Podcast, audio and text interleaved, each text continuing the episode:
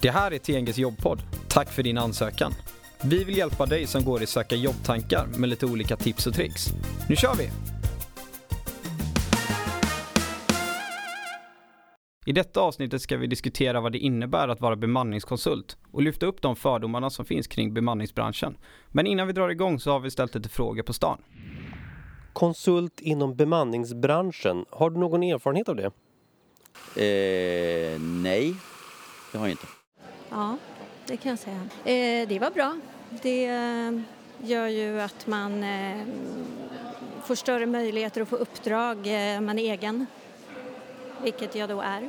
Ja, jag har jobbat för eh, lärarjouren. Eh, det är väl lite liknande i alla fall så att man då eh, får ut och iväg på, och jobba på olika skolor då för lärarjouren. Okej, här har vi ju mycket att diskutera.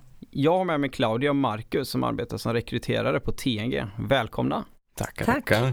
Härligt. Eh, Jag tänker vi börjar med den här frågan. Alltså hur vanligt är det att vara anställd av ett bemanningsbolag? Ja, det är vanligt och blir vanligare skulle jag vilja säga ytterligare. Ehm, att jobba idag, eller om man går tillbaka lite och tittar lite på hur det ser ut idag när man är anställd. Väldigt många personer gillar kortare anställningar. Eh, de eh, jobbar på olika företag, olika branscher. Eh, och det här gör naturligtvis att bemanningsbranschen är en väldigt bra bransch för, för personer som vill på kort tid få mycket erfarenhet. Mm. Så att jag skulle säga att eh, ja, det, det är vanligt att jobba som konsult eller som bemanningskonsult och det blir allt vanligare.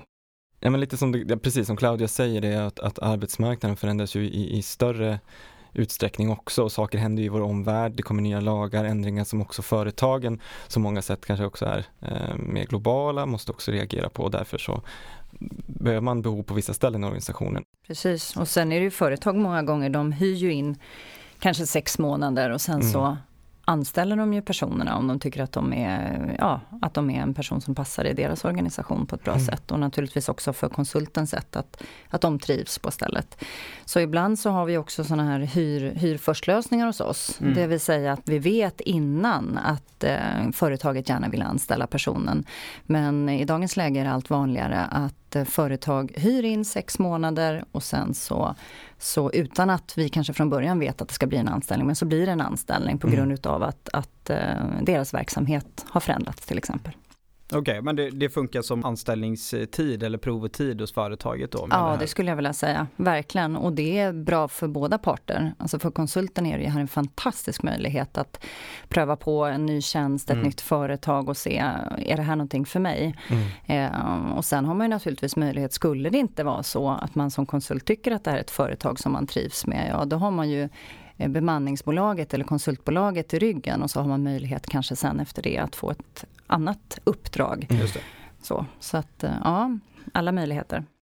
Ja, nej, men precis som du säger Claudia så är ju fördelarna där, man man kommer in i, in i många stora bolag som, som eh, en vanlig rekryteringsprocess kan vara ganska svår att komma in i om man inte har, har samlat på sig så mycket erfarenheter innan.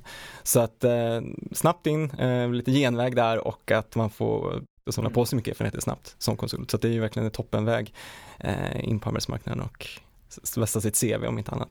Okej, men när ni pratar om anställningar hos bemanningsbolag, hur reagerar ni på ett sånt CV när det kommer in? Eh, I en annan process till exempel? Mm. Nej, men man, an, man frågasätter väl inte om en person har varit anställd i fem år exempelvis på ett bemanningsföretag och det kan ju varit på olika kunder under den perioden. Så att, eh, det visar väl snarare på kvalitet än annat att, att eh, man är anpassningsbar och fått pröva på mycket saker.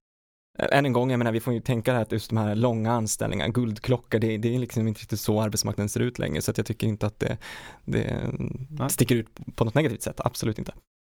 Och att man framhäver det i sitt CV också på ett bra sätt. Vad är det man har jobbat med? Vad har det för företag man har jobbat med till exempel? Eh, vad har man haft för ansvarsområden? Och Mm. att man definierar det på ett bra sätt i CV. Så kan ju vi som, som rekryterare, vi ser ju det här och det här är ju en tillgång. Verkligen en kompetensmässig tillgång och en otrolig erfarenhet.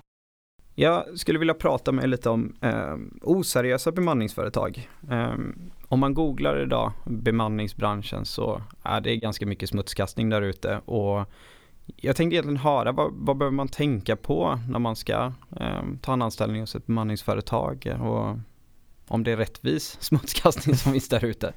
Det har ju funnits, bemanningsföretag har ju funnits ett, ett bra tag nu och eh, det har ju funnits många oseriösa aktörer på marknaden. Mm. Men det här har ju förändrats till jättestor del. Eh, idag så tycker jag att om man söker jobb som konsult då ska man titta att man är ett auktoriserat bemanningsföretag. Eh, där kan man gå in på bemanningsföretag.se mm. och kika lite grann vad, det är, vad, vad behövs för en auktorisation och, och, så. Och sen tycker jag googla generellt, det är en jättebra grej att, att se lite grann. Vad finns det för företag? Gå in på företagets hemsida, titta finns det tjänster som jag är intresserad av? Vad är det för, vad, vad, vad får man för känsla när man, och prata med dina vänner? Mm, mm. Men precis som att ta anställning på vilket företag som helst tycker jag man ska kolla upp så mycket som man kan om, om eh, sin arbetsgivare. Ja. Att inte bara eh, skriva på på en gång kanske utan Nej. fundera först lite grann eller kolla upp lite så. Och ring till företaget. Mm. Ring och prata med en rekryterare mm. eller med med, med någon som jobbar där. Och är det någon annons du tycker är intressant? Kommer du på en intervju? Vad får du för känsla av rekryteraren? Är det ett seriöst mm. bolag? Mm. Det märks ganska fort. Mm. mm. Ja, för jag tänkte komma in på den. Om man skulle kunna ringa er två till exempel om man eh, söker en tjänst genom TNG eh, och ställa de frågorna. Absolut, så, såklart. Mm. Claudia, eh, jag tänkte höra med dig, hur, hur fungerar det med eh, att vara anställd på ett bemanningsföretag, att arbeta som konsult? Ja, man blir anställd då på, på bemanningsföretaget och då har man ju en direkt rapporterande chef eller en konsultchef. Sen på uppdraget många gånger så har man då en arbetsledare. Men det är den direkt rapporterande chefen, alltså konsultchefen, som man hör av sig till om man har några frågor eller funderingar eh, kring sin anställning eller någonting som händer ute på uppdraget. Men och så här tycker jag också, det, det är någonting som, som jag upplever i alla fall att, att gränserna mellan den inhyrda personalen, alltså konsulterna och den, den, fasta personalen hos olika kunder, att de gränserna liksom tas bort också. Man kan ha många olika anställningsformer på en avdelning och man blir inkluderad mm. på, eh, i mångt och mycket i det som händer på arbetsplatsen.